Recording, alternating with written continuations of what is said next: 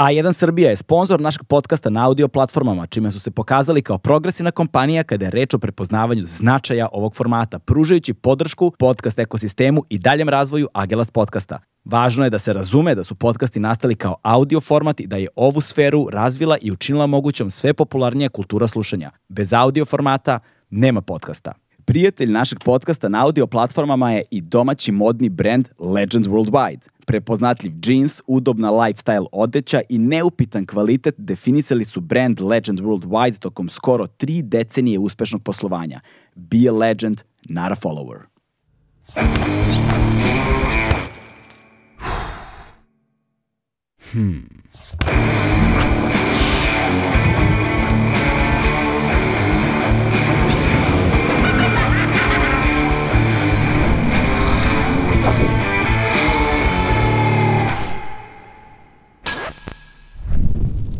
Šta je egzistencijalna psihoterapija zapravo? Kako ona vuče svoje korene iz egzistencijalizma, to jest egzistencijalne teorije, egzistencijalne filozofije? Kako su Kierkegaard, Sartre, um, Heidegger i drugi filozofi zapravo tvorci na neki način i kako su potonji uh, psihoterapeuti razvili uh, granu nauke koja, je trenut, koja trenutno se zaista razvija i značajan progres pokazuje u svetu, a Sara, naša gošća, Sara Kuburić, kako je na engleskom zovu Kuburik, je zapravo devojka poreklom sa ovih prostora, ali koja je odrasla u Kanadi i živela, se živi i radi u Sjednjim američkim državama, ali naravno boravi svuda u svetu, tako da će ovaj podcast zapravo samo početi na našem jeziku, a, vrlo kratko, ali ćemo vrlo brzo preći na engleski jezik i celokupan razgovor će biti na engleskom jeziku, ali ne brinite, bit će sa titlovima. Naša sledeća gošća, a, doktor nauka, terapeutkinja, egzistencijalna, psihoterapija, Sara Kuburić. Uživajte. Zdravo, Saro. Zdravo. Smejemo se jer oboje znamo da će ovaj razgovor da se nastavi na engleskom u nekom trenutku. Također. Ali no, that's not. See, I can't. I can't do it. nema veze, nema veze. Ali nekako je, znaš, koliko si intervjua dala poslednjih, kad je knjiga izašla? A, septembar 19. Znači, 19. septembra knjiga. Koliko si intervjua dala umeđu Ja sam preko 50. Preko, koliko ih je bilo na srpskom? Nula. Možemo barem pet Baš si minuta. poseban. Možemo barem pet minuta. Možemo. Ajde. Ovaj, a, prvo dobrodošla. Hvala. A, zadovoljstvo mi je veliko da si tu i zaista se radujem ovom razgovoru. Iako imamo veoma ograničeno vreme, potrudit ćemo se da nabijemo što više stvari u ovih u ovo vreme koje nam je, a, koje nam je dostupno s obzirom na to da ti je raspored veoma gust. A, raz, da samo kažemo našim slušalcima, a, veliki deo razgovora će biti na engleskom jeziku, ali ćemo imati titlove, tako da ne brinete ništa. A za naše drage prijatelje ovaj, koji slušaju na engleskom, ne brinite, ovaj deo će ubrzo biti gotov. pa će, da li će, ne, da li će biti engleski titlovi dok sad pričamo, vidjet ćemo to. Ok. Um, hajde malo o tebi. Prvo, Mm, ovaj deo koji možemo da pričamo na srpskom, odnosno na našim jezicima, kako god. Um, uh, ti, s- živ, ti si kanadžanka, Mhm. u suštini. Odakle iz Kanade? Ja sam odrasla u Vancouveru. Mhm, ok. Ali si poreklom iz ovih prostora. Mm, Da. Ja sam bila rođena u Vlasenici, znači u Bosni, onda smo se preselili u Sremsku Mitrovicu, Mhm. tamo sam živala ja sam ja, sedam godina i onda smo se preselili u Vancouver. U Vancouver. Ovaj, koliko si imala godina kad si otišla u Vancouver? Mm, devet. Devet godina. Wow. Mm. Ovaj, I ostatak ono, života, obrazovanja i svega si provela tamo. U Kanadi i Americi, da. Mm, ok, ali koliko sam razumeo tebe, pre, pos, pre, umeđu vremenu si postala nomad. Da, ja od jedno 24. godine sam krenula da putujem, od tada mm, I don't have a base. Ok. Um, mislim, Australija mi je base, tamo mi je kuće, tamo su mi knjige, tako Aha. da znam da mi je to base. Da. Ali inače, na primjer, sada već nisam bila kući jedno 8 meseci i svake godine putujem 6 do 9 meseci, tako da ovaj, Mhm. kuća je tamo gde sam ja. Ok, ok. Mislim da je ovo dosta razgovora. Okay. znaš, hoću- That Neću više da te mučim. Stressful, it was difficult, okay. Nećemo da te mučimo više.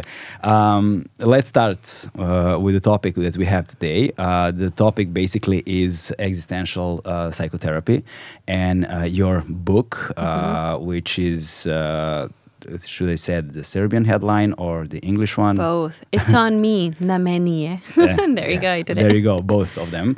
Um, but before we dive into the existential psychotherapy, uh, we need to give the context of it. So we need to dive into existentialism uh, first of all. But before we start with existentiali- existentialism, I would like to focus on you a little bit. So Sure. uh, because you have PhD uh, in existential uh, Psychothe- psychotherapy, uh, so how does the academic road leads to that point? That Yeah. particular point.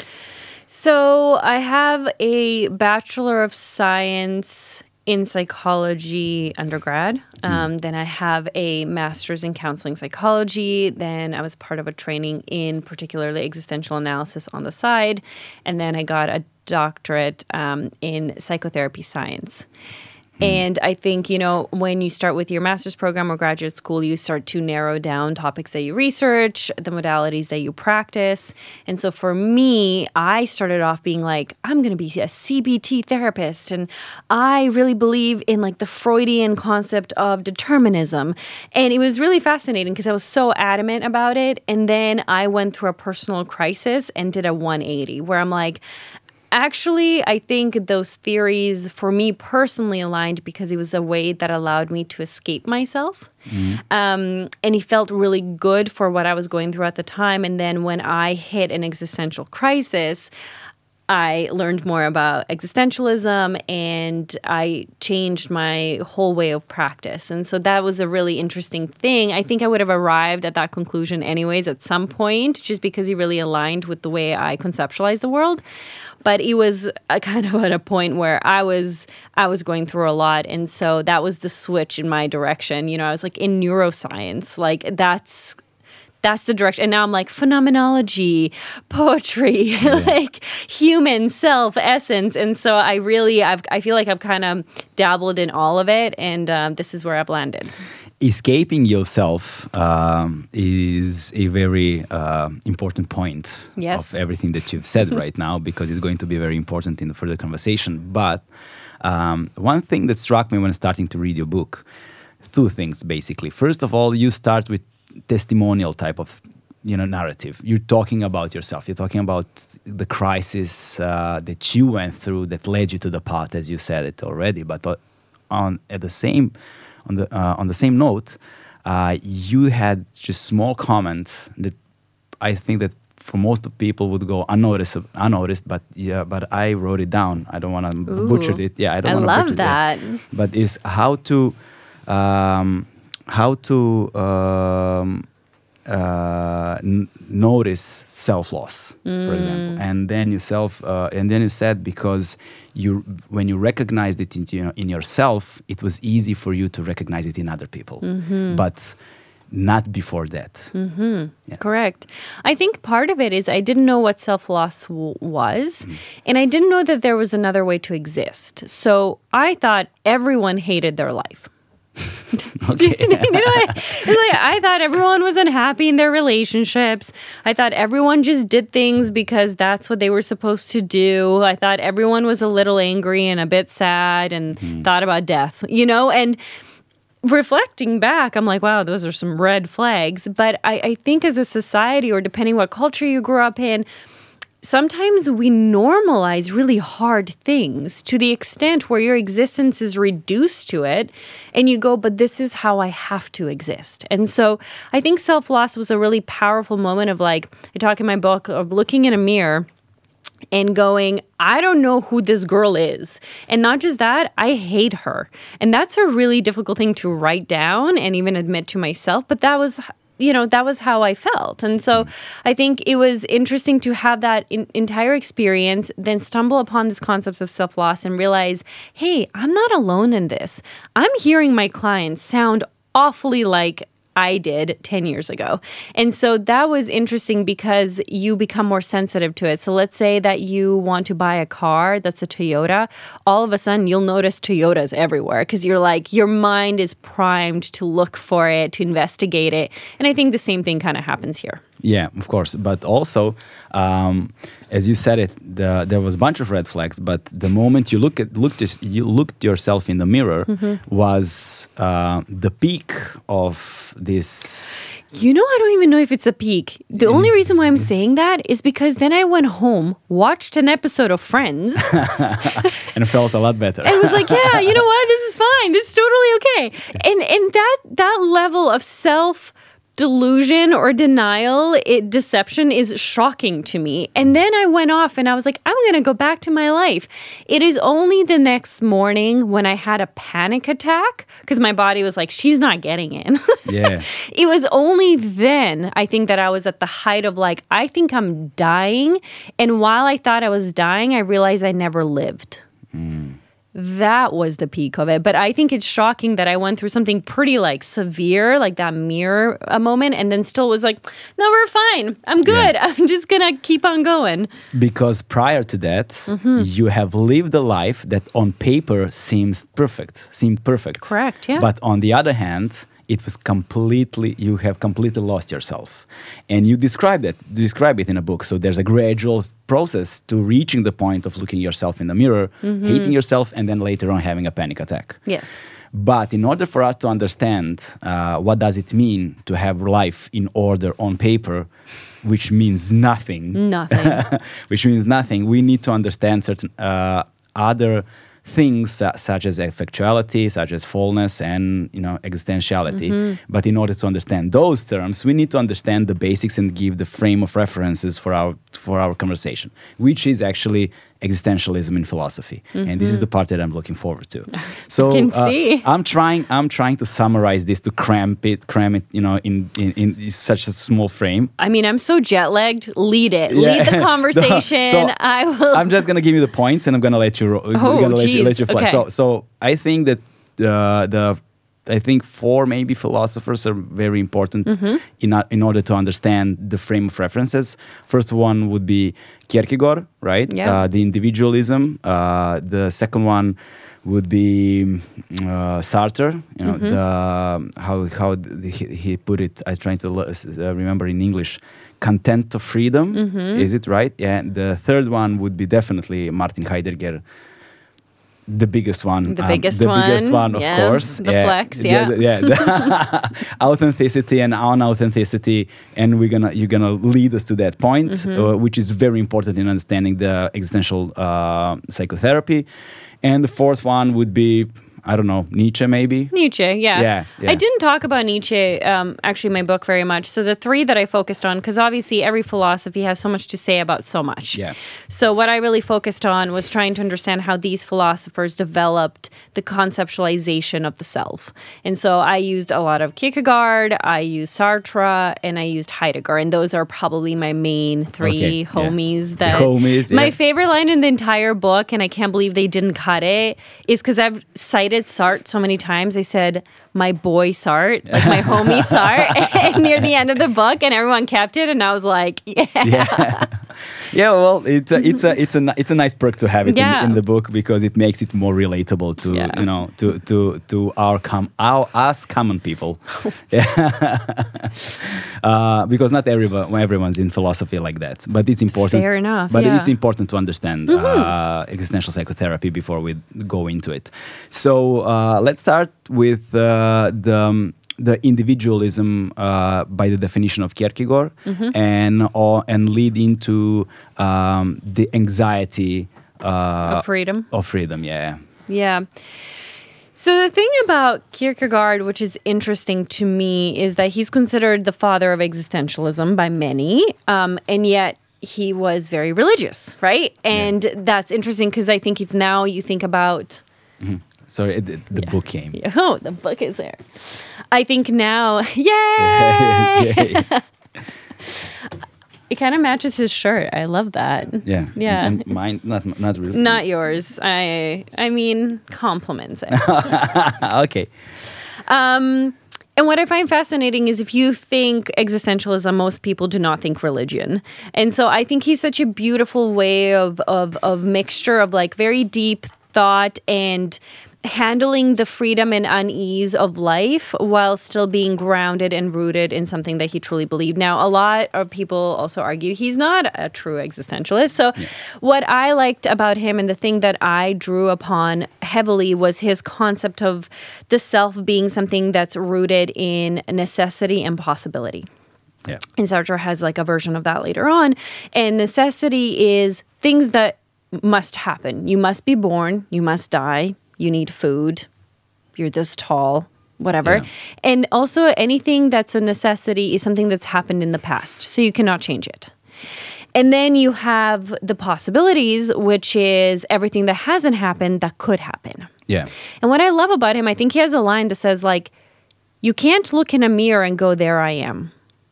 Because yourself happens in the past, in the present, and in the future. Therefore, you can say, this is me in this very moment. But this is not me because he cannot be you because there's so much more of becoming the perpetual becoming. That's what i love about existentialism and i that's something that i drew upon from him. It was like this perpetual becoming of self rather than finding being the self, which is essentialism. Essentialism mm-hmm. believes that there is an essence that's given to you, and all you have to do is either um, accept it or not. Yeah. You either fail to embody it or you succeed. And existentialism, I think Sartre said, like, you know, you first exist and then you create the essence. Yeah. And so I really like that. I think there's something really beautiful and even therapeutic about the way that Kierkegaard talks about like the necessity and the possibility of the self. A1 je prvi prijatelj audio izdanja Agelast podcasta.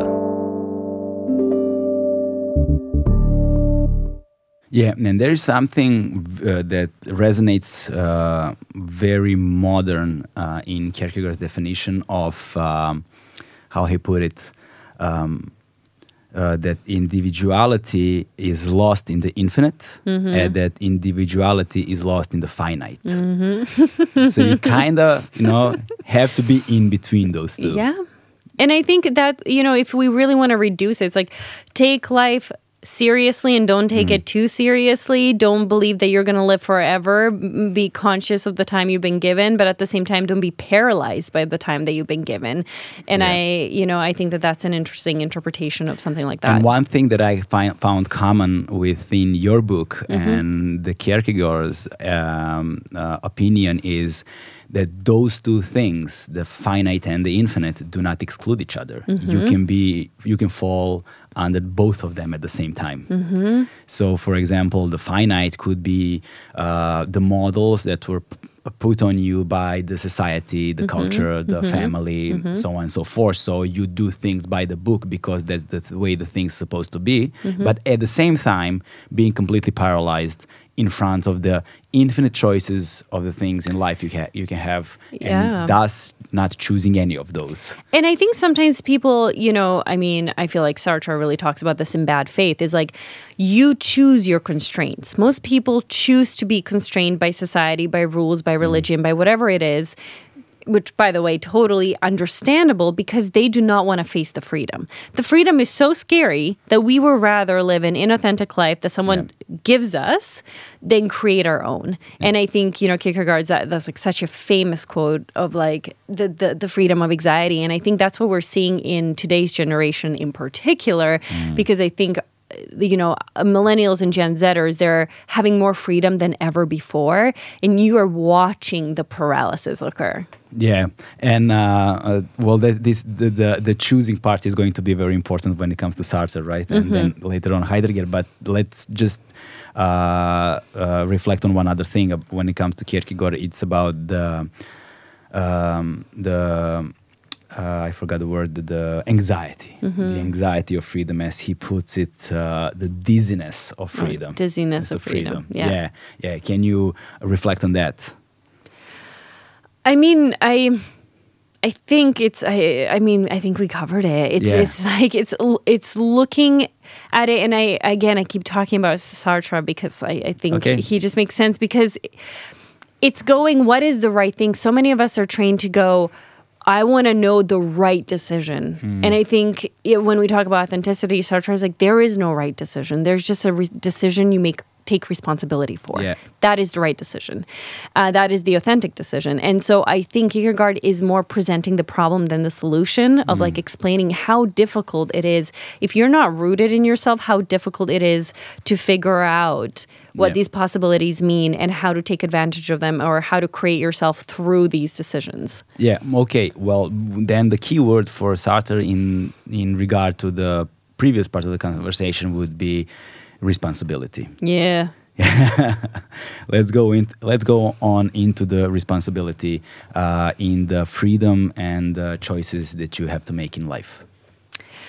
So he says we're condemned to be free, but we also understand that the degree of freedom you have is correlated to the degree of responsibility. So if you're responsible for a if you're free to make a choice, you're responsible for that choice. Yeah. If you weren't free to make that choice, you're not responsible for that choice. And I think that that's fascinating. And he's saying you are condemned because you can never escape the responsibility of living your life. And people do not like that because that's, we like to go, I did that because this person did this to me. And mm. because, and what he's saying is cut the crap. you are always responsible for how you show up. And, you know, he talks about bad faith, he talks about self deception and how we deceive ourselves or the bad faith we have is when we pretend we, we have to be one thing, hmm. when in reality we have the freedom and the responsibility to be something else. Yeah. And so I like it because he seems so relentless about hmm. that point. Uh, and I think in our modern society, responsibility is a really difficult pill to swallow. And that's why I named my title what I did, because I kind of wanted it to be like, it's on you. That's responsibility. I might as well have just put responsibility as my title. yeah, respons- responsibility, but also um, not just responsibility. This is gonna be handy when it comes to Heidegger. It's uh, it doesn't, and and also uh, later on uh, after Heidegger, when we're gonna talk about, I think there's two more people that are really needed to be uh, mentioned throughout this conversation, and those are uh, your professor uh, Alfried uh, Längle. Längle, Amazing. yeah, Alfried Längle, and of course uh, Victor Viktor Frankl. Frankl. Viktor Frankl. I knew. See, you didn't have to say it. I know. I know who we're talking about. Yeah, well, you wrote the book, so it Mm-hmm. Makes sense. Uh, but uh, and and this is the point that Viktor Frankl, uh, uh, where Viktor Frankl stood out, which he took from Heidegger, uh, and it was that. Do you know there's a picture of them together? No. They knew each other. Well, I found out from your book that your professor knew both of them.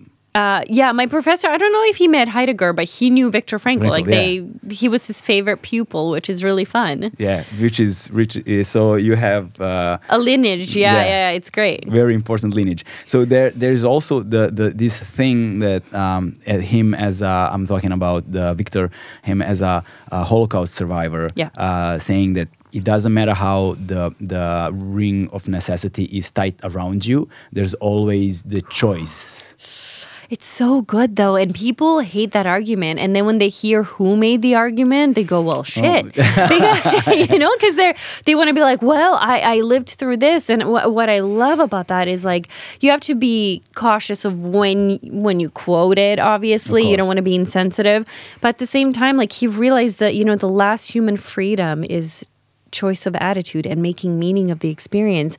And we can learn so much from that. I think when we stop feeling free, we stop feeling human. Yeah. And I think there's so many things in life that make us stop feeling free. And so I like that he's saying, no, no, you're always free. What a statement from a Holocaust survivor. Like, you know, and I think I have a line in my book that's like, what's our excuse? Like, if he can say that, Yeah. Who am I to be like, I don't have the, the, the Yeah. you know? And I understand some people. I'm very blessed and privileged in the in the way I, you know, I live my life. But I feel like all of us can reflect and be like, okay, if he can say it, how can I say it and mean it? And what does that mean in my life? Yeah, but also this idea kind of circles back to the ancient Greeks also because you have it all around Greek mythology. You know, the the only way to express freedom when necessity is tight around you is through yourself. For yourself. Yeah, but through- it's the only thing we can control. Yeah. truly like and and when i say control sometimes we can't even do that but it's like the only thing you have ownership over Mm. which you know, is very Heidegger. So, you know, nice transition. The only thing you have ownership over is yourself. Yeah. And we forget that. And, and we also want to make sure that everyone else is helping us have Mm. the life that we want. And we're blaming everyone else. This is saying, uh uh Okay. But also, uh, it just uh, recalls the previous part of our conversation when I said that, you know, before things happen to you and before you recognize self loss in yourself, it was difficult for you to see the self loss in others. So it is a journey. For sure, it's a journey. Yeah. And I don't think self loss. It's not just a decision. I have made decision now, and it's it. That's it. I, mean, yeah, no. Uh, you mean the loss itself? Not the loss, the the finding the meaning. in Oh my. God. Yeah. Yeah. absolutely. And, you know, another thing I want to say about freedom is like Sartre said, like, you're free within, you know, what life has done to you. And I had to go, okay, what has life done to me? And what have I pretended I don't have freedom about? Mm-hmm. And then I realized that there's no such thing as an overarching meaning in our lives. That was mind blowing. Yeah. And I love Viktor Frankl because in his book, some he's like, people will come to me and be like, What is the meaning of life? and he'll go, That's like asking a chess master, what is the best, Best move." chess move? He's like, that makes no sense. And I love how cheeky and honest he is. And I think that was an interesting thing for me to realize that our sense of self is not static. I don't build it and then go, No, don't worry. It's check. a robust thing. Yeah, good. I'm like, I, I'm not like check. Now I get to live my life as this person because if you do that, you're gonna be inauthentic in about three seconds. Um, and so I like that that there's this understanding for me now that your meaning and your sense of self are both ongoing and they're both parallel. Mm. Parallel, what yeah. people don't understand is the connection between identity and meaning. Yeah. They it's never talked about, and so that's really w- where I you know do my work. Let's dive into Heidegger then. Yes. Yeah, because we're gonna skip skip a few things and then we're gonna have, have to dive into Heidelberg, uh, Hei- um, uh, Heidegger. Sorry. Yeah. Uh, so, where would be the good start uh, when we talk about Heidegger? So- Authenticity, Yeah. being, Well- perpetual being, Dasein. Yeah. Before that, Oh. a little bit, just Okay. a, just just a little bit, maybe because He's famous. yes, I know he's famous. Yeah, not, but he's uh, he's uh, he was the pupil of uh, Edmund uh, Husserl, right? Yes. Who is the founder of phenomenology. Correct. And um, and he noticed one thing that uh, it's not about. So I just want gonna want to say this. It's not about the things that we are looking at. We should look at the way we're looking at things. So we should make this shift to just pull back a little bit because the way we're looking at things have bunch of biases. so And- bracketing. yeah, bracketing. Yeah, of course, that's what I'm referring to. Yeah. And uh, and uh, and uh, and the more we try to uh, apply this rule of the way we are looking at things over time, we're gonna see a pattern going, re- uh, uh, a pattern emerging. And once we realize this pattern and we uh, pay attention to it, we're gonna be able to see the nature of things behind the essence, right?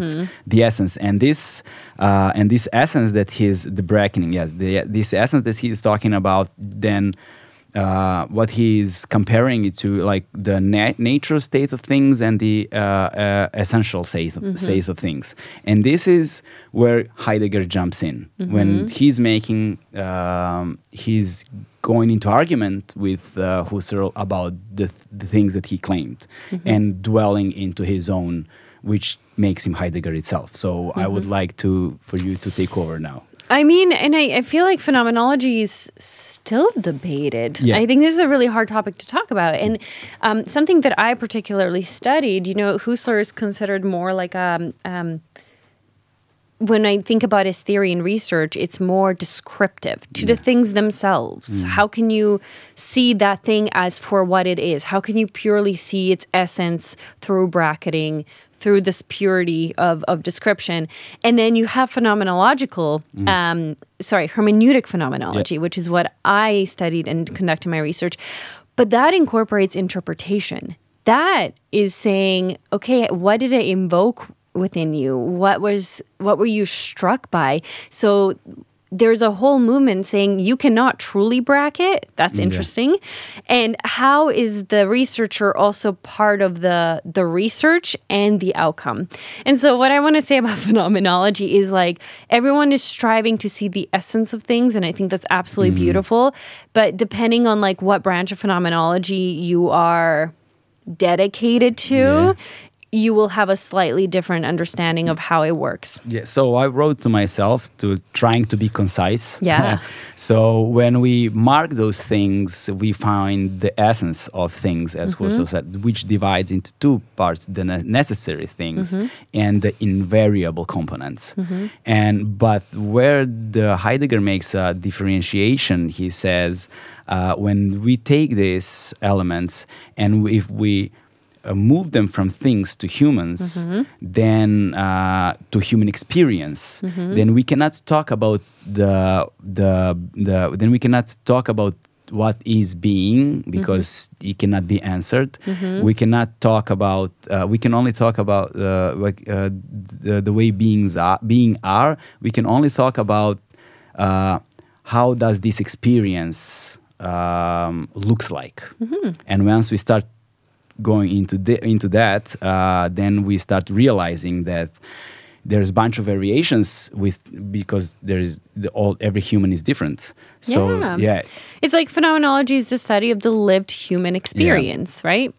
yeah, and um, so the the so the the that that's when he felt into because the Descartes, the arch nemesis, I think of uh, Heidegger. Mm-hmm. They all was- had one. Yeah, they all had. So he said famously "cogito ergo sum," Mm-hmm. right? And Heidegger was like, "That's bullshit," Mm-hmm.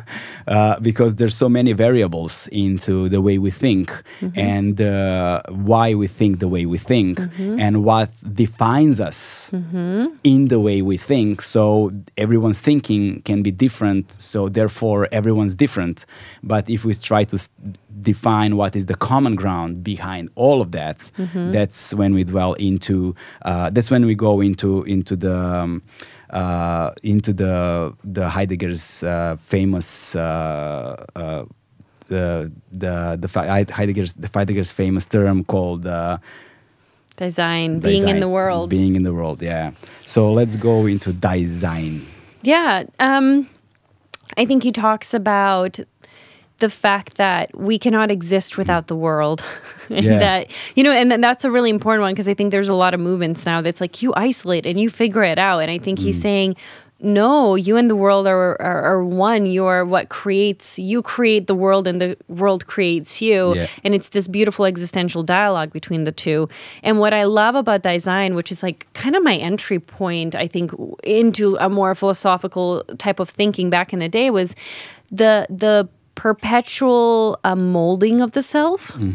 And the way that the world does that, and the way that you do that through self expression. And I kind of, you know, this conversation we're having, we're going to walk away as slightly different people. Yeah. The fact I had matcha today instead of coffee altered something. And I, I really like that because I think it places the responsibility, but also the liberation of what it mm-hmm. means to be human. And I like that his conceptualization of the self is is that fluid, although obviously if you go into uh, um, being in time, it is quite complex. Yeah. So, well, the the, the thing about Dasein uh, is that, um, uh, for example, uh, if we take I don't know prehistoric human and modern human, um, pre- prehistoric human would be I don't know concerned about. He would care about uh, I don't know the the primitive tools that he used at the time in order to survive. Uh, the modern human would be I don't know preoccupied with a filter using for uh, Instagram photo or whatever. Correct. S- So, what is the common thing in their Dasein? Uh, even Experience, yeah. it's it's uh, it's about you know the tools and the circumstances and the culture and the outside things that influence us and those are the necessary things that influence us influenced mm. us. But the things uh, and those things are the things we care about. Mm-hmm. So this is i think very important in understanding that where he, heidegger differentiates and which falls into existential psychotherapy the mm. things that we care about mm-hmm. which define which defines us. So he has this in, in, in order to reach the point of his authenticity we need to explain three things, uh, which is factuality, um, the fullness, fullness, you say it. Mm, Yeah, Fullness. Now that you said it, and, yeah, and, and the third one is existentiality, which uh, leads to authenticity. here is a suggestion for Okay. the sake of the podcast and the timing. yeah. I think what would be more important is to define Längle's for uh, fundamental pillars because Okay. Mm. he draws on all of these concepts and summarize them and saying there are four things you need in order to live a fulfilling, existentially fulfilling life. Okay. And here they are. If you're willing to do that pivot, Okay. only because I think it's a lot more tangible than this. Okay. Cool. Okay, so what I love about Alfried is he saw Viktor Frankl's um, meaning, man's search for meaning, and the emphasis on meaning. He said that's great, but that can't be all. Can meaning really therapeutically save us from our own existence? Is finding meaning enough? So, what he has, he proposed like four existential questions that you work with. One is, I'm here, but can I be here? What do you think that means? I'm really curious. I'm here, but can I be here? What's your instinct? Well, uh, it's hard for me to rely on instinct when I have so much information now in my head. But yeah, yeah. but I like I really like the quote uh, which said there's a difference uh, between thinking and calculating. Mm-hmm. Yeah. So so we can do a bunch of things in life and be somewhere and doing something, but that doesn't mean we think about those things. Mm. It means we are calculating those things and adding up to a certain result that we want to achieve or run away from. It doesn't matter. But this is not finding the greater sense of the truth behind them, uh, which can give purpose to who to, to whoever you are and or, the, or, or, or be or being on the path discovering who you are. I love that. That's so cool. So, what this question is saying is like, you exist because you've been thrown into existence. Existentialists love this phrase thrown Thrown into, into existence, existence, yes. right? But can you actually be here? Meaning, do you have safety, space, and protection to feel like you can exist, Mm-hmm. truly exist? So, someone who has experienced a trauma, which we can talk about in the Balkans a lot, Yeah. is like you are physically on this planet. It was not your choice. You're thrown into existence. But do you have the sufficient safety, support, and space to truly develop or allow yourself to exist in that space? Okay. And I, I love that question because it's not just about being physically present, it's about existentially being present. And a lot of people can say no. So if you're struggling with trauma or anxiety, usually the answer to that question is no. Um, the second question is okay, I'm here, but do I like it? Okay.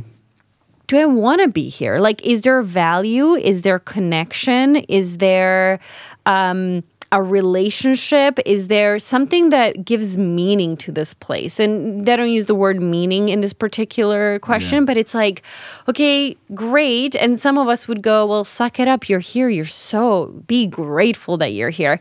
But really, the question is like, you can be somewhere and not want to be there. And that's an important psychological thing to consider. Um, and so there's a lot of expl- exploration there. And then the third question is can I be myself? And I like this one because this pulls on Heidegger. And it's like, do I have permission to be myself from myself and from those around me? Yeah. Because it's very difficult. If others do not give you permission, you're going to really struggle because we need others to mirror our experience. I can think whatever I want about myself, but I need someone in my life to go, yeah, I recognize that that's you. Otherwise, you're not going to be able to confirm that. Mm-hmm. And that's so disorienting. And then sometimes we don't give ourselves permission to truly be who we are. And so I love that when it comes to the identity piece, it's like, do you have permission?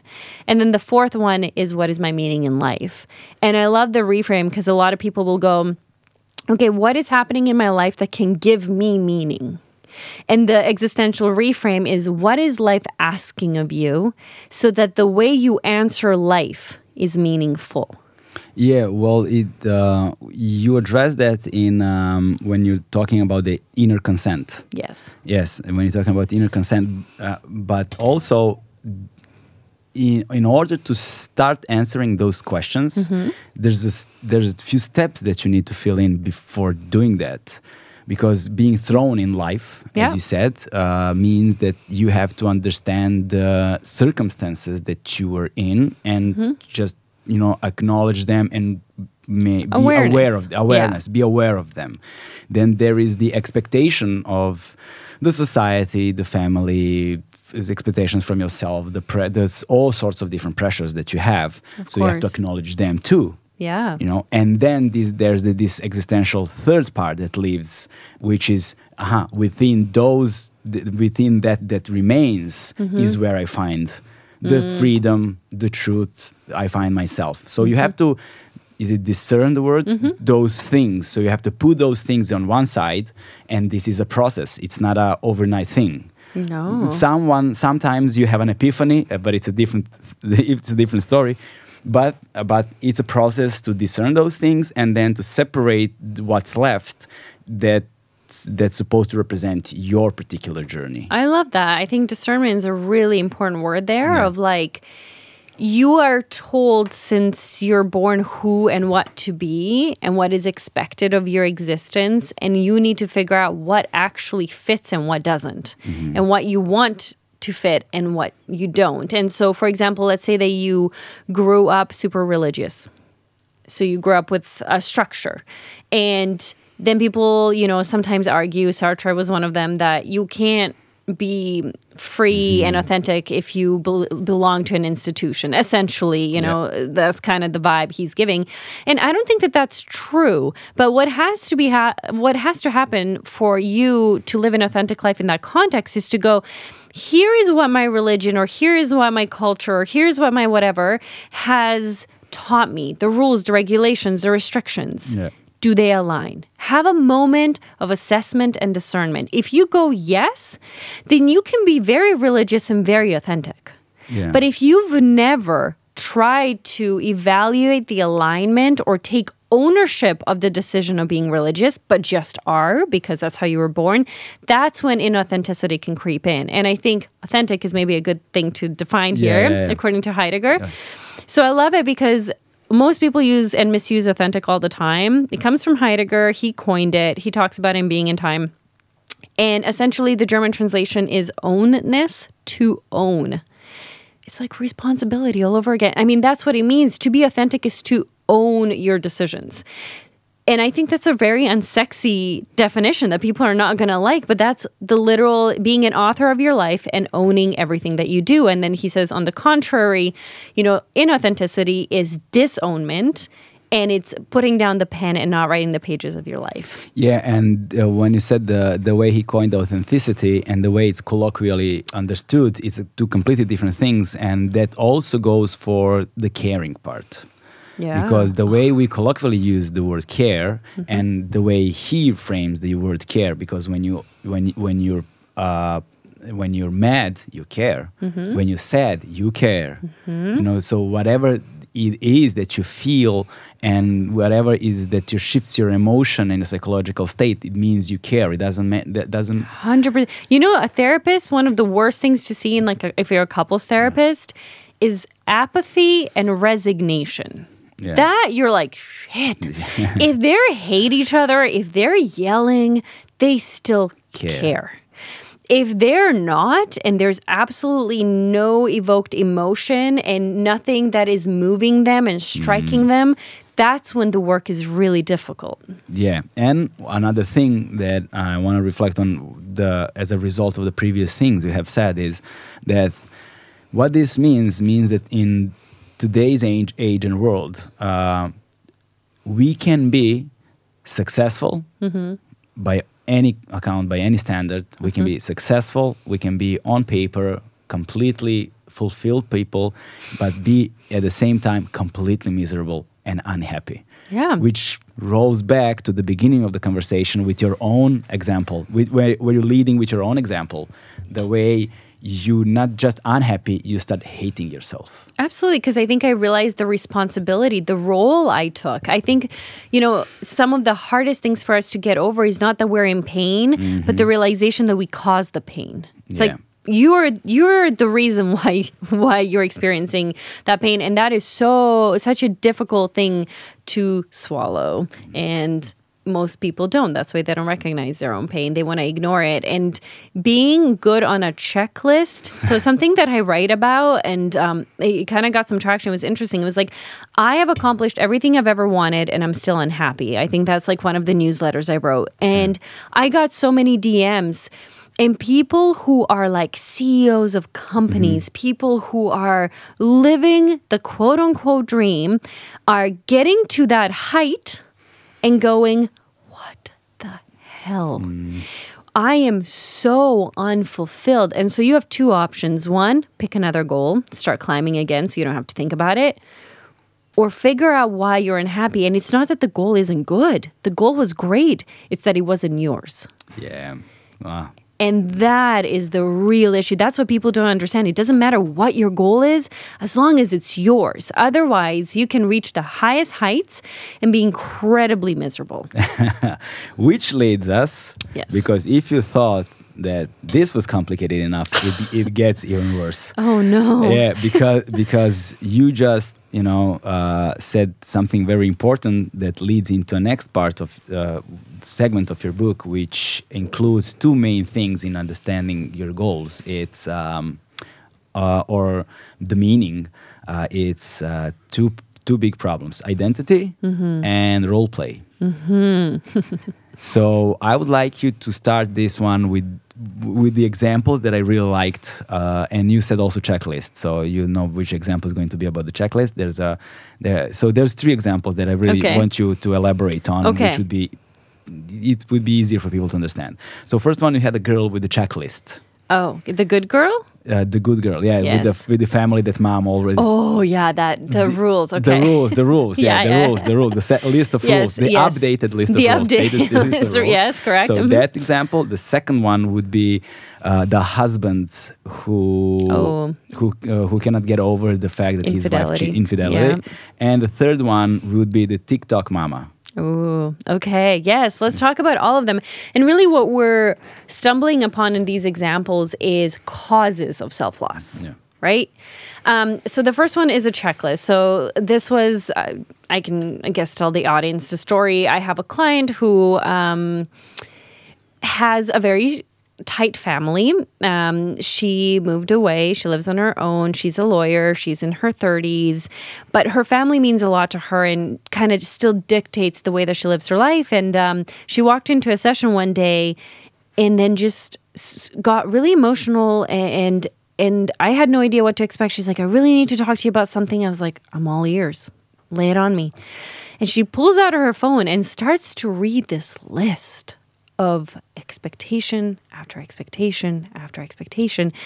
And essentially, her duty was to write off, to, to write, like to sign off on it, to go, I understand, and to be an active part of this family and to still belong here, I am going to agree to do all these things. And some of them were about not having sex, about what she would eat, what she would wear, what she would whatever. And, you know, her mom sent this was sent by her dad, and her mom is the first one that was like, I'm so on board. This is great. Thank you. And this is not the first time that these rules were sent around, it's just the updated version.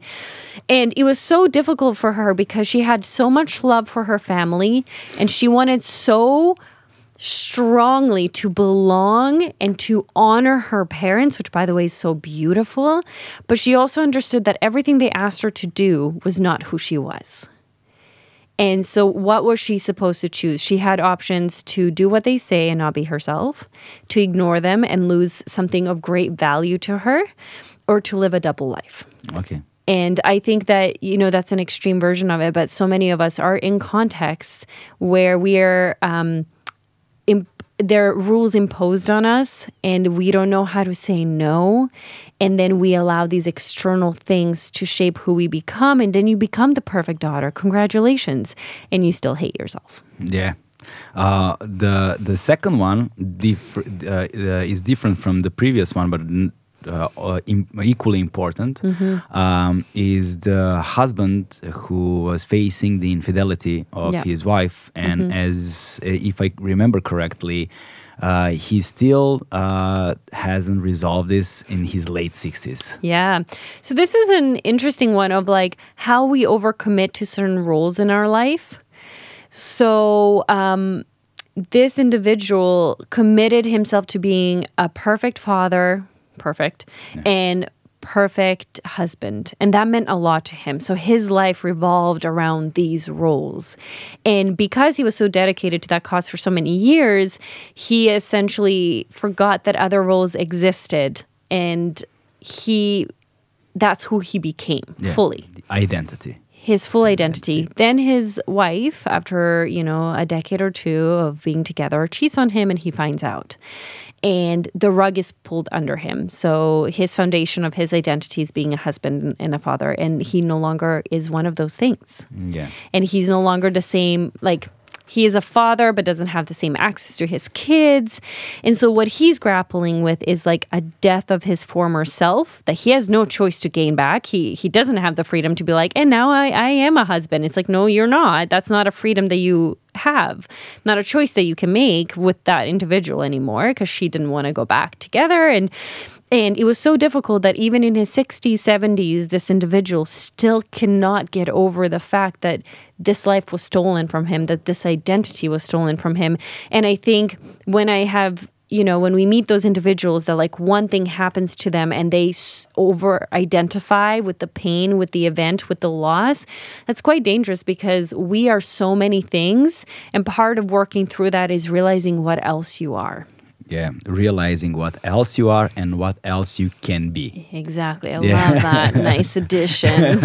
well, in uh, when when when things doesn't go your way Yeah. the way you expected, and almost certainly it's not going to go the way It's you never expect. gonna go, right? But and I think like so many of us do that. It's like I'm a student. I'm a, a podcaster. I am a, and it's like be careful with the what I am words you're using, the descriptions, the adjectives. It's like you are not just that. And I think we.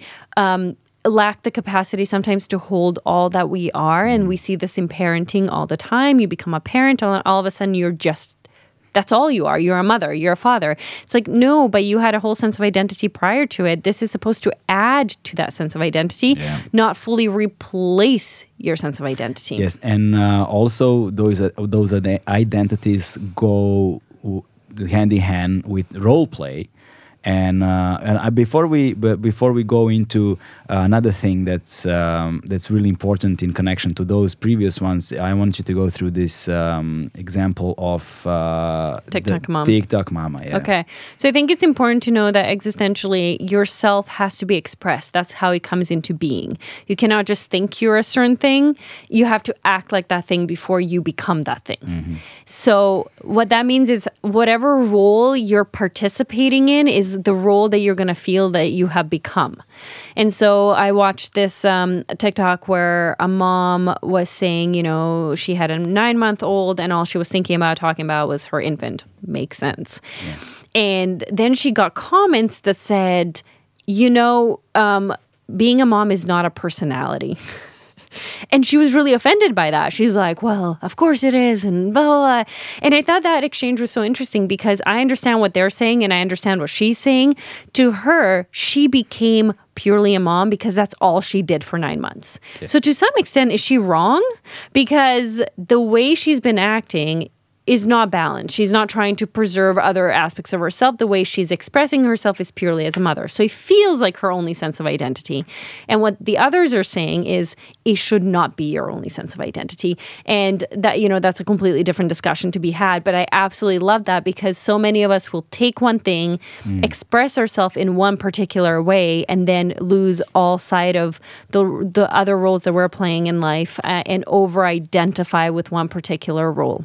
Yeah, and uh, well, w- it, while when we talk about this, um, uh, when we talk about this, the this whole thing about the self loss, Yeah. uh, self loss, uh, I want to introduce um, certain. I don't. I don't know if we said ground rules. Rules. Maybe rules are not uh, the best choice of words, but let me rephrase this, and you're gonna uh, correct me. So. Um, um, the causes of self loss uh, can be, uh, as you said, three different things. It can be life altering events, uh, model behavior and family rules that we touched upon. We touched on two of those things, yeah. those exam- exam- examples, and there's a third one, the, Mm-hmm. The bonus. the bonus one, uh, self betrayal, betrayal Yeah.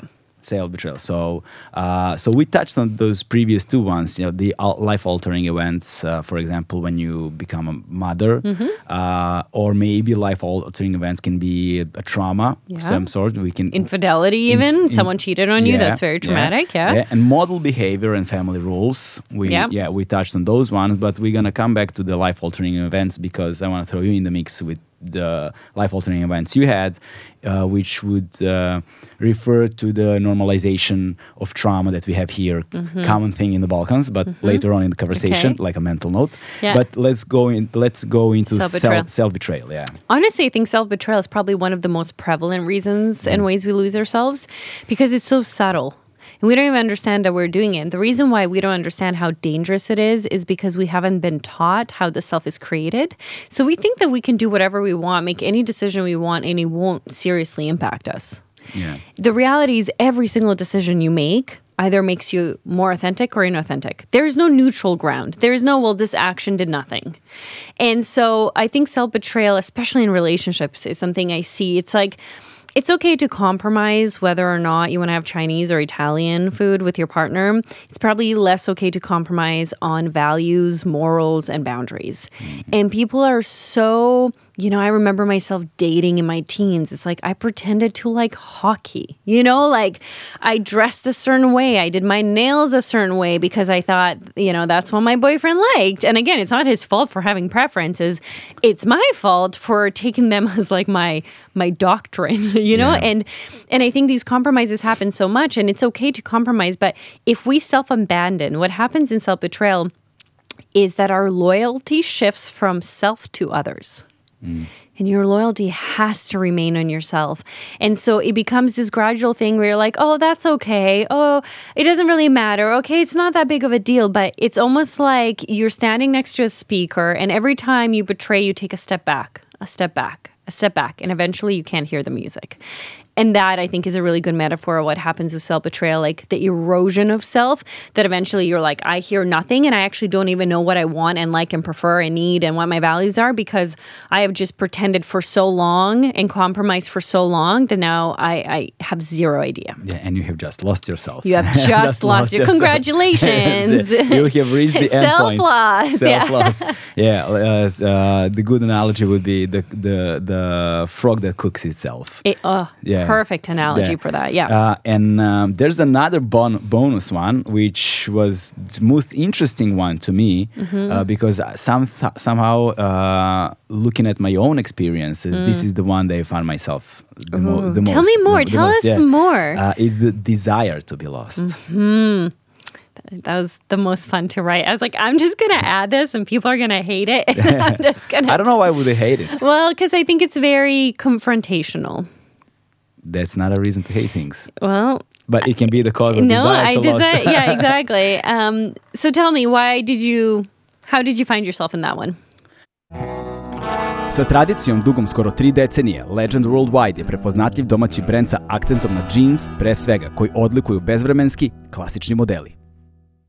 Well, you know, the things have a way uh, to reach a certain point uh, of no return uh, in which um, something happens inside of you, the similar to your panic attack, when you realize that your self preservation mode is more important than anything else. But you need to reach that point. You know, Gotta reach that bottom. but yeah. reach the bottom. And once you hit the bottom, you know, there's only one way from there. yes. Yeah, so let's say it's something like that for me. you know? Yeah. it's something like that for me. But yeah, I've spent years, Yeah. years in you know perpetuating and having the same pattern of behavior, which to me at the time looked like I don't even know how to put it. Um, uh, it had it it was comforting in a way Yeah. in a weird way very Yeah. weird way like depression can be very comforting things that you can you can lay in it and just enjoy yourself it's a it's a Oh, I'm glad you said that. it's a very it's a very very um, counterintuitive uh, way to put it but Yeah. it's true um, uh, it's also the great excuse for whatever. And it's kind of a you know accepting that things that have happened to you um, have completely uh, it's something that you cannot do anything about it. It defined you. it defines you and becomes in a way the perfect excuse Mm-hmm. you know to not do anything. And then you somehow irrationally i don't know how we'll put it but somehow irrationally you just instead of fighting against it you just go with it You lean into it. you lean into it and then this becomes part of who you are like i don't know you know Well uh, said. drunk or whatever you Yeah, no, super well said. I think something I like to ask individuals, obviously, when we have a lot of rapport and care and whatever, is I go, what purpose is your depression serving you? What need is it fulfilling? Yeah Because sometimes they do think we perpetuate it. That's not to say all depressions like Yeah, that, and no, people no. absolutely not. We're not talking about a diagnosis here, but there is sometimes a state that we choose to be in because we get something out of it, Mm. and we need to figure out what do we get out of it, so that we can get that thing somewhere else. And what a lot of people get out of wanting to be lost is lack of responsibility. Mm. It's like, no, I'm not responsible. And that's kind of you say, like it's a convenient excuse. And I think loss, if you think about what it means to be the self and responsibility being the pillar of the self, why would you want to be yourself?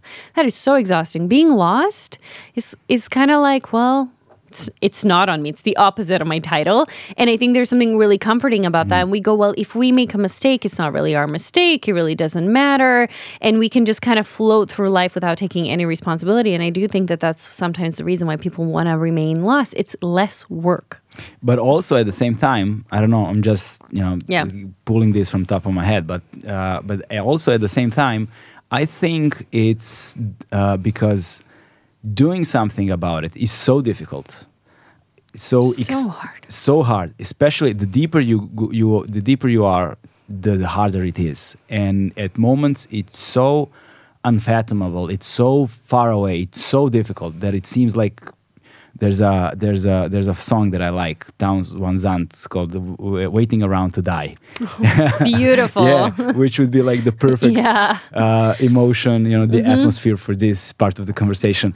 But um, Cue music. yeah, cue, cue this music in, yeah. Uh, uh, if if we want to de- get demonetized, but the thing is, um, uh, when you're so far away from it, uh, and you you know and you understand, especially if you if you were at some point in your life that person who had something going, and you understand how difficult it is to keep going day after day after day and you know facing the challenges and whatever the coming comes your way.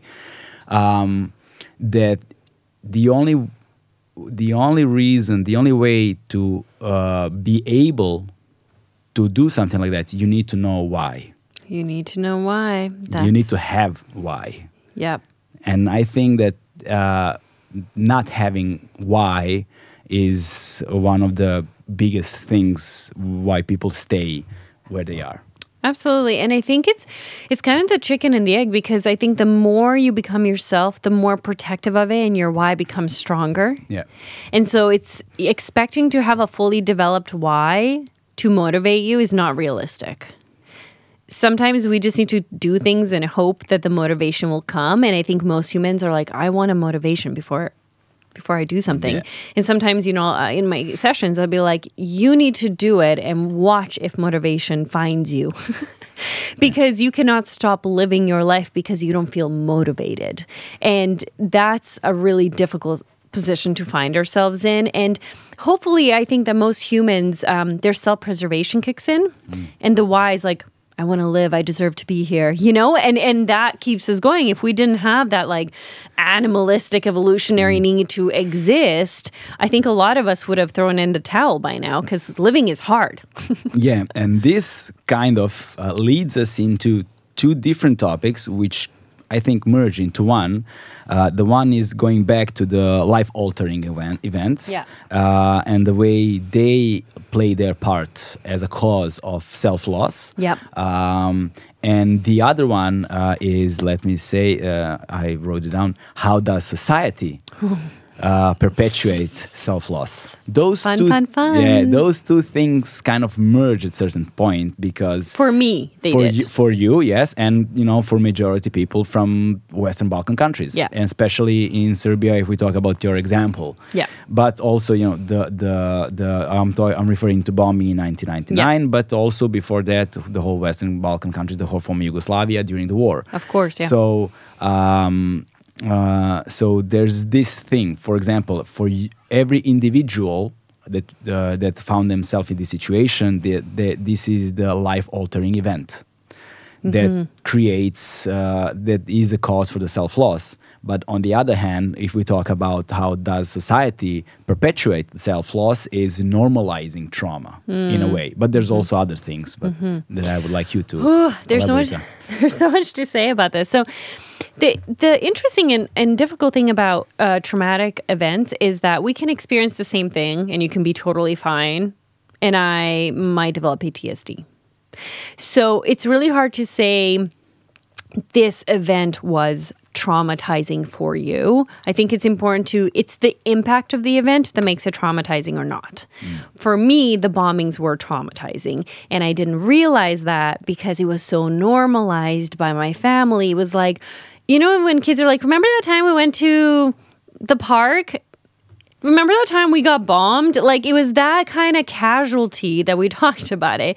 So I was like, oh, this is just this is totally normal. And what I didn't do is I didn't think about how something like that during my formative years would have become an obstacle to being myself.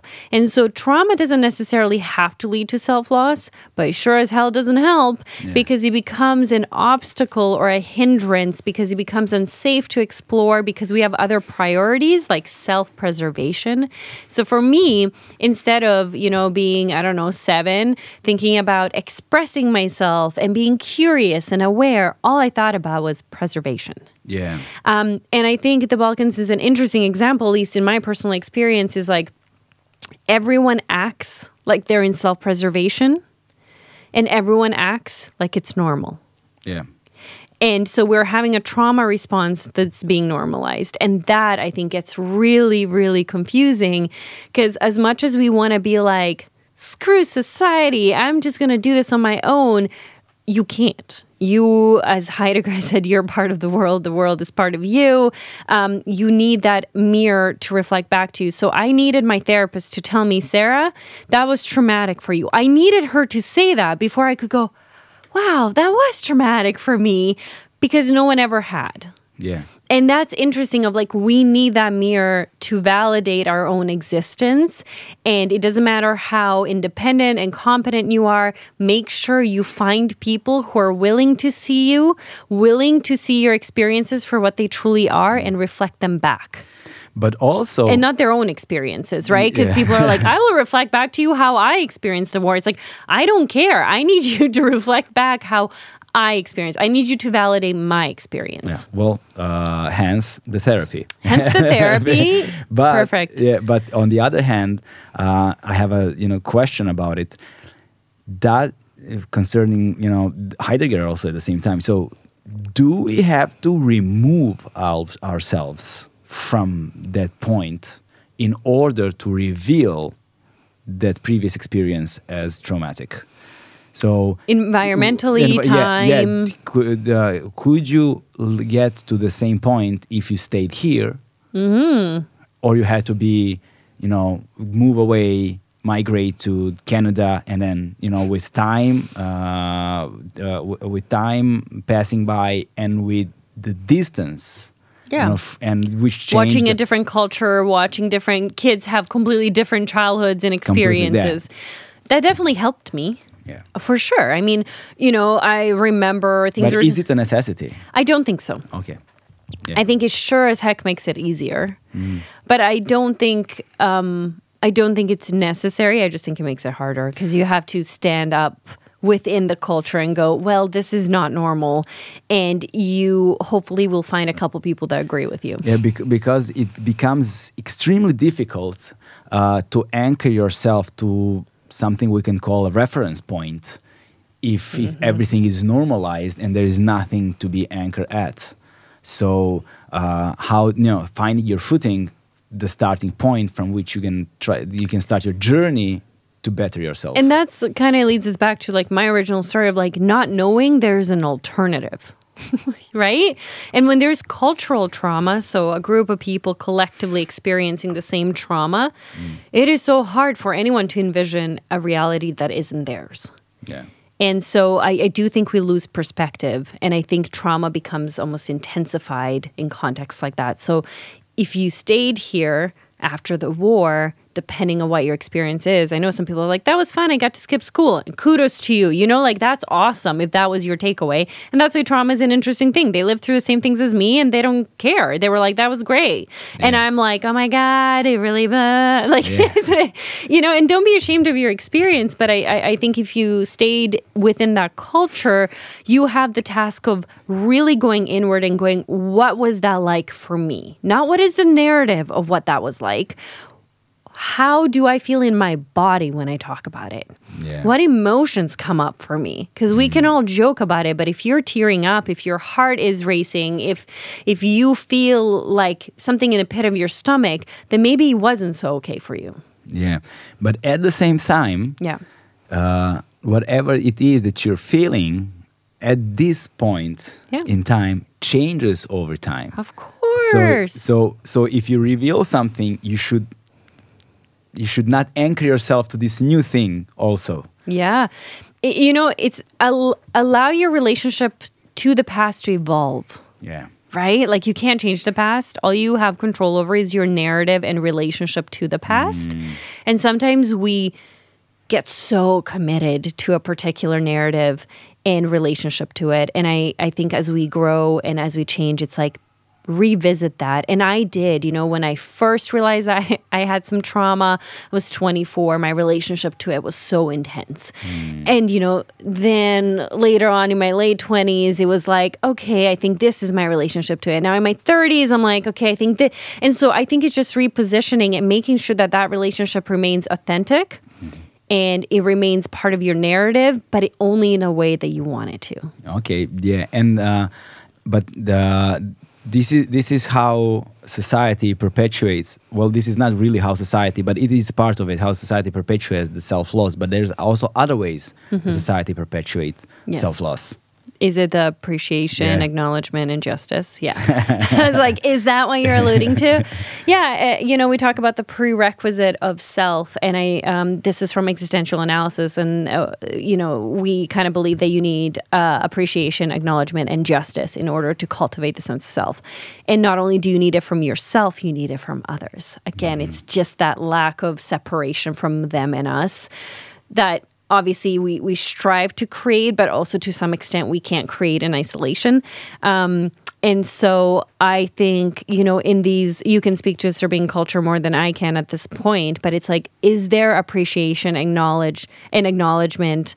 Um, and, and are people being treated justly? That's a huge one globally of like how much justice, because when we act inhumanely, you know, are we taking away people's dignity? How are they supposed to feel safe enough or seen enough for their sense of self to be developed? And so I think if you're a partner, a parent, a friend, think to yourself like am i acknowledging appreciating and treating this person justly and i think if we collectively did that globally oh my god would we have a different society Well, well, yeah. but- lofty goals here uh, and another thing that uh, that I found very very fascinating, uh, and it's one that you know sets you off.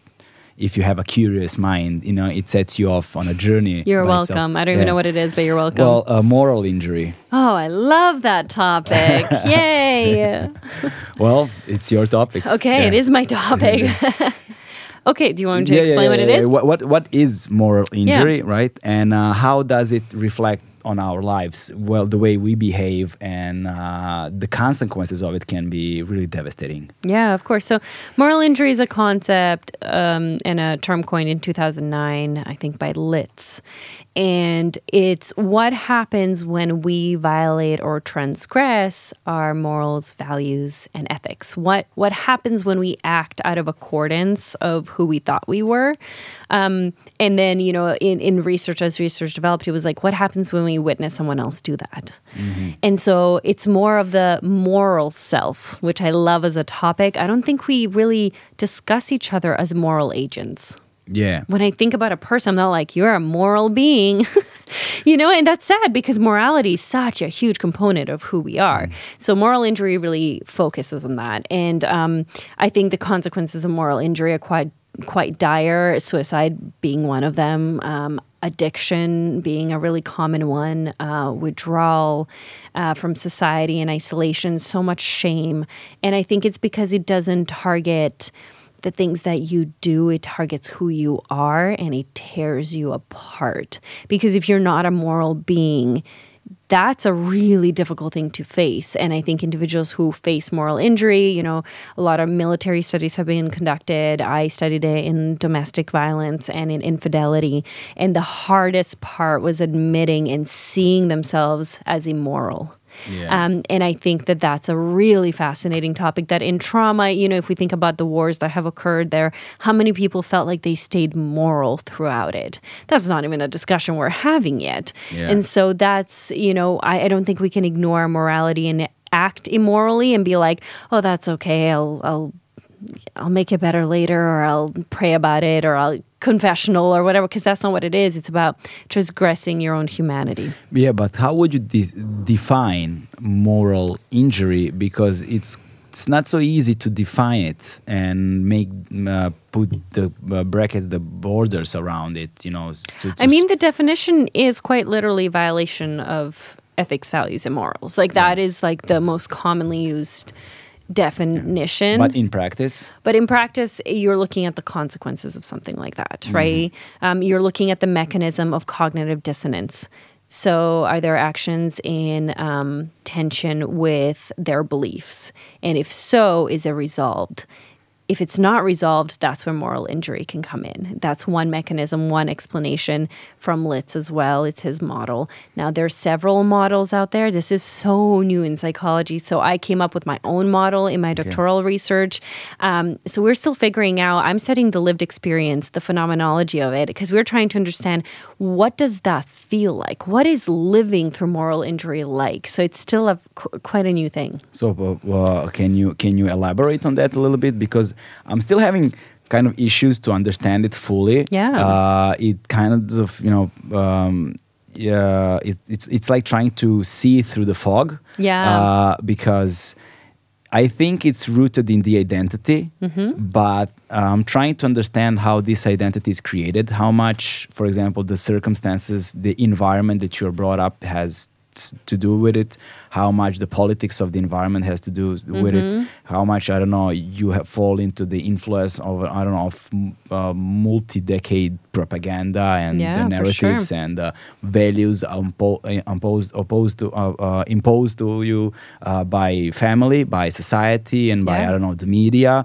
uh, this can fall into you know the social media a lot also course, also because yeah. it penetrates the way the, the, so you have a bunch of examples uh, which basically mirrors our everyday life by you know Absolutely. telling the story of an ex you're telling the story of all of us like opening your eyes trying to see through the screen and then yeah. within a few seconds picking an icon you know and letting the anxiety f- you know wash over you wash over you before you even start the day yeah uh, exactly and so on and so forth you know just checking on your instagram stories while sitting in work every few minutes and I know it's like did I watch my story yeah did, yeah. did I get some likes you yeah, know some social capital from yeah. it you know releasing some endorphins or dopamine whatever totally yeah stuff like that but uh, so talking about the moral injury of course you know uh, it's a big leap from you know instagram likes to moral injuries but at the same time not so much mm-hmm. because uh, but i'm trying to understand the principles uh, behind it, how it is rooted,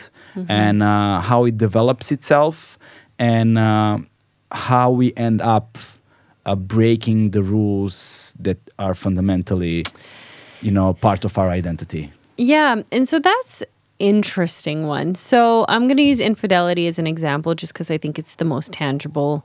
Um, I have found when you look at the experience of moral injury in individuals who have cheated on their partners, they have this time of deconstruction of self, like a really weak sense of self. They feel this sense of death in their relationship.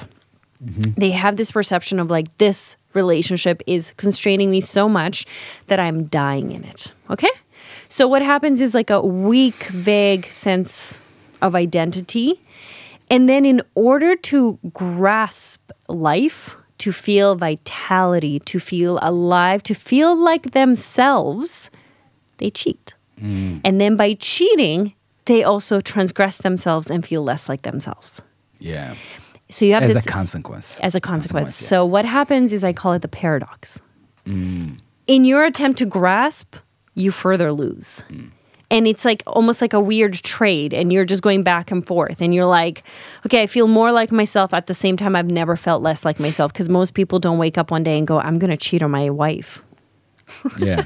And when it happens, they go, wow, I had that moment of embodiment of vitality and I traded it. And then I also never have felt more alien to myself. I've never felt like a stranger. And I think that that's an interesting dynamic to just understand like how the self is implicated in something like that. Yeah. And then you have this cognitive dissonance of like, I believe that infidelity is wrong and I'm doing it. Yeah, and this cognitive dissonance is is, is a thing to, you know, uh, comment on because it really takes uh, a huge part when we um, uh, witness somebody else uh, uh, breaking the Morals. mor- morals, yeah. Absolutely. And what was interesting to see was the impact that their infidelity or their immorality had. So, individuals who believed that um, that infidelity was wrong because society told them it was wrong, because they grew up Christian, for example, um, they had an easier time getting over it. They went, you know what? I did what I had to to preserve my sense of self. I violated these morals, but they didn't really feel mine. So the consequence was less. And those who really identified with the moral, the consequence was larger. But that just shows you that although you're surrounded by moral norms in your mm-hmm. society, it is only to the degree which you really inherently believe them that the impact will matter. So, of course, you might feel shame and guilt, mostly guilt, because you're like, okay, I really effed up. I shouldn't have whatever. But unless that moral is yours, the mm-hmm. moral injury doesn't happen when you just violate cultural norms. It happens when you violate your moral norms. Yeah, and uh, now I would like to go back uh, to actual, you know, exi- now now go into existential therapy itself. Yes. Uh, so the practice that you had, the clients that you had, the experiences that you drew from, and uh, and the evolution of uh, of the method itself. Yeah. Because one thing is, you know, talking about this topic and exploring them through existentialism, existential theory, and philosophy. It's one thing, you know, m- more or less all of those things can fall into it. But it's a completely different story once there's a human across the table know, or a room or whatever, and then you're talking talking to them, and uh, now you know they having a, some sort of existential crisis you know we've been through a bunch of those in Yeah. this conversation whatever those are but uh, how the met the methods what what are the methods of existential therapy um, how the practice looks like uh, how they are developed like the history of it so we know that Viktor Frankl was the one who coined it I think right Logotherapy. He Logo, coined. logotherapy yeah. Yeah. so just give me the brief history of it and how it looks in the practice and the methodology of it So the way it looks in practice is how it's kind of reflected in our conversation, by the way, because he Yeah. would ask me a really philosophical question, and I almost always exclusively answer them psychologically. Yeah. and that was on purpose because I think the psychology of it is the point of this conversation. Um, and so it really shapes the way that the therapist thinks, conceptualizes change and suffering, right? Repeat that. Sorry. It's important. It's how the therapist conceptualizes pain and suffering okay. and change. Okay. Pain, suffering, and change. Okay. What happens is we have this thing called case conceptualization. So you have someone come in, present their problems, and you have to understand what is happening. And each therapist would choose a theory that helps them understand what is happening. Mm-hmm. So if you're a practice attachment theory, you're going to look at it through the lens of attachment. You're going to be like which attachment is flaring up. If you're a CBT therapist, you're going to look for Cognitive behavioral, Yes. right? Okay. and so, as an existentialist, what you're looking for is themes that we've discussed responsibility, freedom, death, anxiety, isolation, all of these things to try to understand where the pain is. And the four questions that I offered from Längle are really helpful for me. I go, which of the four fundamental motivations are they struggling with? Which of the pillars feels weak? Okay, they don't feel like they like it here. That's where we begin um, existential therapy is known to be anti technique. A lot of therapy, you know, um, therapists will come in being like, today we're going to work on this. And they have worksheets and they have, they're like ready. They're like, we're going to do this technique, this breathing, this, that. And I think most existentialists, and I can't speak for all, you don't do that. It's scary, actually. It's I find it sometimes really nice when I use because I use other techniques, of course. But when I'm like, oh, today we're gonna just um, going into the room and being like very phenomenological, because actually the method is phenomenology. It's going to the things themselves. What is what are they presenting? How do they appear to me? What is being evoked? And having the most intimate of encounters. That is existential therapy. And you know, we have Yalom, we have Rollo May, who are existential therapy, and then we have kind of this other branch, more specifically, Viktor Frankl started logotherapy. And then from logotherapy, now we have existential analysis. So we kind of have this little niche that I belong to. Um, and of course, we have, but I, I find that a lot of our trainings, a lot of the time you spent, it's more like how to show up in the space.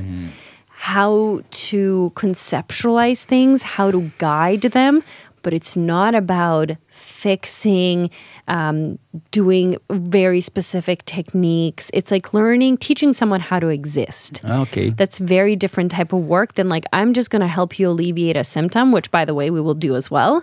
But the focus is not the problem, the focus is the person. And that's not always that's why it's considered also a person-centered therapy Okay. because we're really focused on that relationship between the therapist and the client. uh, I, I, I would dare my I would dare to you know uh, try to um, define it the way like it seems to me that it's like introducing humanity to the practice like you know Isn't it sad that we have to do that in psychology? well, you know, I haven't really thought of, tho- of those topics before. For example, I don't know. Um, uh, um, uh, uh, the, the reading the trauma of the gifted child and you know drama of the gifted child and you know reading some. G- Gabor Mate yeah, and, and that's when I'm you know listening to him speak it was like you know how many doctors have asked you about I don't know your colon or your blood work or whatever how many of those doctors ask you how are you Yeah. just a simple basic question that nobody asks it it seems or no one wants an answer to. They're like, okay, cool. Yeah. like, just, yeah, because answering that question and entering that conversation, you know, it's It's my job, apparently. Yeah. You know, well, it is. it is. It absolutely is. And I, I like that you're saying that. I think my passion and movement for existential therapy is because I think what has happened lately is we have dehumanized the science of psychology. Mm. But that's the soul of the work and the art of it. I think it's as much art as it is science. And I, I think I'm trying to hold on Yeah. to something that's very human and, and very essential in this practice. Yeah, but the other thing is, I think that is, it's kind of just just my thought, uh, my two cents on it. But uh, you have to deal with the obstacles of, you know, um, you have to relearn the commonplaces in things. You know, the the you have to like the the point of everything is something that we would call I don't know cliche, mm-hmm. but those are actually true facts, and you have to somehow circle back to them Yeah. by this via this very complicated and Very complicated theory. and hard hard process. It is hard, but it's cliche because of how we've reduced it to Yeah. something meaningless. So a lot of my stuff is psychoeducation. It's like, let me teach you what authenticity really means. Let me teach you what choices and freedom and responsibility. Yeah. what do those terms actually mean? Rather than yeah everything they're saying is probably how the cliche started. You know it's like we have all these concepts that are so true to the human condition. And i think existentialism is also just common sense sometimes. Mm. Yeah. because you study the human condition so nothing I tell you is going to be groundbreaking, and it, it shouldn't be to an extent because it should resonates with your own humanity. So if it resonates, that means I've done my job because what I'm doing is just explaining the human experience. Yeah, but also another thing that I found really interesting uh, is how does existential therapy deals with the final consequences in in terms of like when we talk about, for example, going back to Heidegger, I mean, uh, in between authenticity and unauthenticity, and once you start the journey of Mm-hmm. authenticity, the ultimate uh, confrontation is, of course, death. You know, confront, Mm-hmm. It. yeah, confronting death. because at the end of the day, um, doesn't matter how tough the Mm-hmm. conversation is. It doesn't matter how far we're running away from it. Yeah. The fact of things is this: the you are going to die. I'm going to die. Marko is going to die, and everybody who listening is going to die. Beautiful. I love this. But I think the fact that we're going to die is what gives life meaning. Yeah, but you have to reach that. You have to reach that. But it's if you think about this, I've done long distance relationships. I'm not sure if anyone has. I write about this in my book. It's like you're together for a month and sometimes you're like, oh my God, I don't even want to talk to you. Like I'm gonna go to this to the other room and you're not really that Yeah, connect ugh, so don't worry. really not that connected or whatever. And then three days before they leave you're like oh my god i really can't you know? And that's because you know your time is finite. You know the time is coming to an end and everything becomes sweeter and more precious. And i think instead of not instead of being so anxious about death which i mean is very normal i think we can also see it as that which gives us a a, a, a border that actually makes our life meaningful. Yeah. And I think that's a really pleasant reframe. If you were going to live forever, would life have any meaning? Yeah, this is a very interesting philosophical question because if life l- lasted forever, everybody would cheat on everyone at certain point. I mean, they already do. If you look at stats on infidelity, oh my God. Like, it's what a- are the stats? Oh, they're so high. It depends on the country, but I think you know if you. I think it was something like if you ask someone if they've cheated ever on any partner within their lifetime, it's like seventy-five to eighty-six percent or something like that. And if you add emotional infidelity, I think we're like in the ninetieth percentile. Yeah.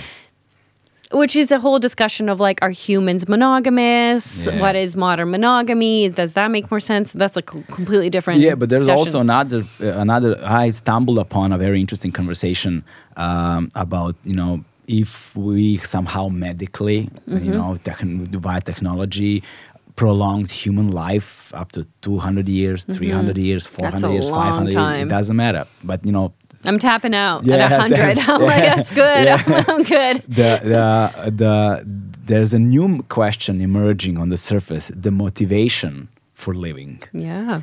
Could- because you know and uh, and this you know, leads you on a completely different path of understanding what human beings are and uh, I love that. yeah and and, and and I really like that but also um, the the the confrontation of uh, death is something that there's well two things uh, that I'm just having uh, they're just association that I'm having now. First of all is how difficult it is through therapy. You know, you probably have seen the process. You know, from the start to the be- to the end. How does it look like, and uh, what is the response of people who have finally Yeah. yeah confronted that ultimate question that's one one thing and the other one that just came to my mind is this seems like something that would be really useful in palliative care It is very useful in palliative care. yeah It's yeah, no, that's a really great observation. Okay, first question. Um, what does the process look like? It's messy and long. That's what it looks like, right? And Yeah. and and it's meant to be. Um, I think you start from basics of um, observing the truth, and then facing the truth, and then accepting the truth. Um, and I think it's that constant becoming. And depending on what the the presenting issue is, obviously, you know that process looks different. Uh, you're usually working through the four fundamental motivations, um, and what I find that happens is when people finally grasp their sense of self, um, and this is something that surprised me maybe even is well two things happen. One they get ecstatic and they they can't imagine a life without their self which is beautiful and it motivates them to keep living that way. Because i think once you have it's almost like when you get your first paycheck then you're more motivated to work because you know what it feels like to hold a hundred dollars. Mm-hmm. And so that's kind of the feeling of like i'm gonna keep working on myself because this feels so good and and i know the work is hard but it feels so good. I don't think there's any sense of fulfillment. I, I mean for me personally becoming my own mm. is like the the thing that brings me most joy and fulfillment in my life. And it makes life a lot easier to an extent as well. And there's so much liberation and empowerment. And so seeing clients grasp that and their eyes light up with joy is beautiful. And then what happens is they become so scared to lose it that they get paralyzed. Mm. This is something i'm noticing a lot in my work where they go i don't want to i don't want to date anyone because what if i lose myself in the relationship again uh, I don't want to do this transition because maybe I won't be able to be myself in that context. And they are so scared to lose it. But then what they're doing without realizing is they're losing themselves by inaction. Yeah. And it's kind of like the cyclical work that you win if you like it's a lose lose. That's what it feels like for them a little bit. And so I don't think anyone's had to face the fact that, like, okay, ultimately, I guess some clients will be like, what's the freaking point? I'm just going to die. And I go, you're not working towards a goal. You're working towards having an enjoyable existence. I'm not saying so that when you're a hundred, you're self-actualized. Fuck, who cares? Like it doesn't matter. What matters though is that you lived an existence you wanted to live up to a hundred. So those are my answers. Yeah, uh, well, the the this this, this uh, circles back to, oh god, man, is it is it Kierkegaard or who said it, or Sartre? Oh, I, I can't remember who. who uh, some some of those Yeah, guys. Yeah, yeah. is attributed Some- to yeah, some- some those, philosopher. One, no, one of those three. Yeah, yeah, one okay, of those cool. three main guys. Maybe Camus, but not not really. Sartre, uh, say- saying saying saying the leap of faith Uh, yeah, yeah, yeah. Oh, we the talked. leap of, the leap of faith uh, like not taking the leap uh, taking the leap of faith means losing yourself momentarily Oh, Kierkegaard. Kierkegaard. Oh, I start my book with that quote. yeah not losing your not the making the leap of faith is uh, losing yourself completely Yeah, exactly. forever or whatever That's yeah. literally one of the first quotes. It's attributed to Kierkegaard. We can't confirm it is, but Okay, yeah. apparently sounds like him. And yeah, to to not dare is to lose. Oh, to dare is to lose yourself mom- momentarily.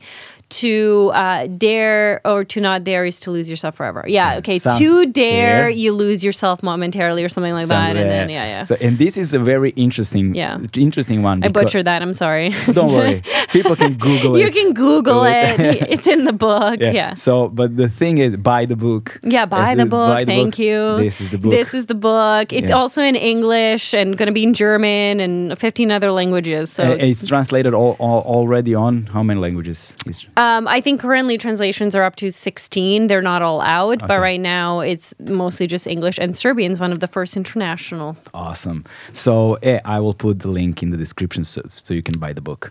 Uh, and um, and uh, and this is a very interesting one because this leap of faith or to dare, it's Mm-hmm. not something you do once. Yeah, such a good point. No, it's con- as life is constantly asking you to dare and to be audacious. And I think you're like, I took the leap, whew, I survived. And then in therapy, I go, take another. Yeah. And they're like, but I thought I was done. And I'm like, Oh no! I'm so sorry. Sometimes, you know, I, I love this. Like Viktor Frankl has this client who comes to him, and this is a Man's Search for Meaning. He goes, um, can you explain to me what the difference between psychoanalysis and logotherapy is? The client is asking. And so Viktor is like, can you tell me what you think psychoanalysis is first before I like tell you a contradiction? He goes, or like uh, the difference? And he goes, well, in psychoanalysis, you lie down and you say things that make you uncomfortable. I'm paraphrasing. Mm-hmm. So Viktor Frankl's like thinking there. He goes, okay, well, um, in existentialism, you can keep sitting, but you're going to hear things you don't want to hear. so it's not about just the confessional aspect. It's like part of existentialism is like showing you those really hard truth. Mm. And that is my job, which is a weird job to be their mirror. And that will automatically sometimes mean that I mirror back to them how hard life is. Yeah, and it goes back to this point of you know, uh, uh, you know, uh, the- most of the time the therapist is the one who listens, and your friends are the one giving you uh, advices. Advice, yeah. And you want it to be other way, other way around. You want your friends to listen, and your therapy to give therapist to give you advice. But you know, therapists are. I mean, from you know the way I don't. I don't give advice. yeah, I'm not talking No, no, no. advice, I love yeah, it, yeah. but I think that's that's really like an important thing for people to understand. It's like advice is a serious thing, and uh, you know, I wrote about this recently. Is like people ask for advice, um, and then they're not brave enough to hear it. Mm. You know, they- they- they'll be like, "What should I do?" And then you'll tell them, and be like, "No," because they, they they just can't they can't hear the reality of it. And so, if you're asking someone for advice, be brave enough to actually listen to what they have to say. You don't have to obey what they have to say, but be brave enough to listen to what they yeah, have to say. and I'm gonna paraphrase Oscar Wilde, who said, "The only thing you can do with good advice is to pass it on, to pass it, because you're not gonna act on you're it." oh, of course not. Imagine life would be too easy.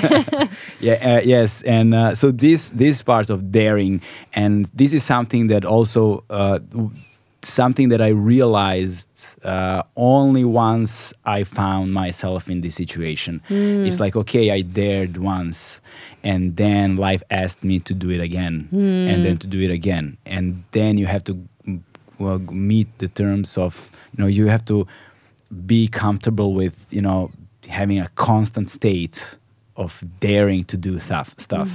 And therefore you really need the good why in order to keep daring you know if it's if that's a correct use of the word. Yeah. So um and this is this is an interesting one but also another one uh, that i have a comment on that you said i think that this analogy maybe wasn't really uh, the good one because you said the feeling you get i don't know $100 or something Yeah. you said it motivates you to Yeah. do the job i would you know debate that uh, maybe it's gonna moti- motivate you once or maybe it's gonna motivate you every time you get a raise or Mm-hmm. more money but it's gonna motivate you in short bursts it's not gonna be a motivation that's gonna stick you know f- For sure. And if you're talking about normal things like Yeah. getting a hundred dollar bill, yes. But if you're talking about being authentic, I think the act of being authentic itself, yeah you get a burst of it from moment to moment. Because as we mm. know, authenticity is the ownership of every single moment.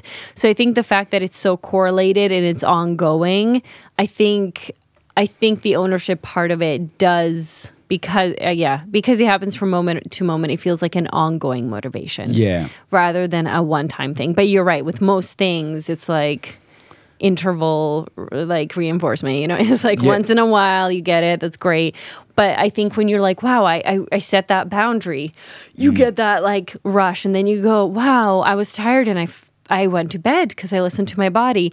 Like every single moment, you can get that understanding. And I think it's like when you date someone and the first time you kiss them and you have that closeness mm. and you love that closeness and you intimacy and, and you're like, I want to have that again. And I think that's kind of falling in love with yourself and not in like a, I love myself, but like it's building that closeness with yourself that when you feel that person within you, it is so motivational to preserve that connection because you don't want to be far away from the person that you care about and the person you're invested in.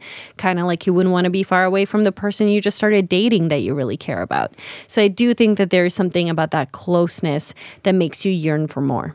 Okay, uh, yeah, and another another thing. Once you find that person within you and you fall in love with that person, you should also let, Let them go. let them go and Yeah. let that person you know Die. evolve No. yeah evolve and eventually die and eventually die. we're all gonna die We're all gonna die. No, um, that's promo for this podcast. We're all gonna die. it's a tagline yeah, Yeah, perfect. soundbite Yeah, I love it. Um, yeah, I think that's the thing where you're like, oh my God, this feels so good. And then you have to not over identify with it, not become constrained by it. And you have to go, the person I'm going to meet tomorrow, let me fall in love with them again. And again, love might not be the, the right, let me get to know them again. Let me mm. experience closeness with them.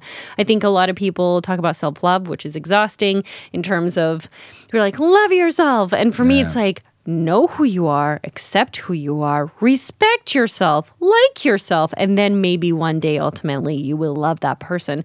But assuming someone to go from nothing to love, um, yeah it's impossible it's gonna task. take a lot of effort to reach the point but once you reach that point it's not gonna take any effort to love yourself Exactly. and that's going to be so motivational because Yeah. think about, I don't know, the person you love. It's not very hard to know how you want to protect them, what decisions you want to make for them. Like it, it's it's kind of like that and you're motivated by your love. Mm. And I think, you know, love can be a motivation for self as well.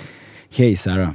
Uh, I just checked my watch. Yes, uh, subtly. We have reached the deadline. Yeah, We you- did it. We did it. we did it. We did it. We cramped everything. Not really everything, but most of Most the things. Mo- most things. Yes. So thank you. Thank you so much for having me. Yeah, that was really thank, fun. Thank you. And uh, your book, uh, Na meni je, uh, we can you can you can order it, buy it uh, online. I'll put the link in the description. Thank you for this wonderful conversation. I wish you awesome book tour Thank and um, go home back to yourself. Oh, I will. You too. Thank you. That's it. Ciao.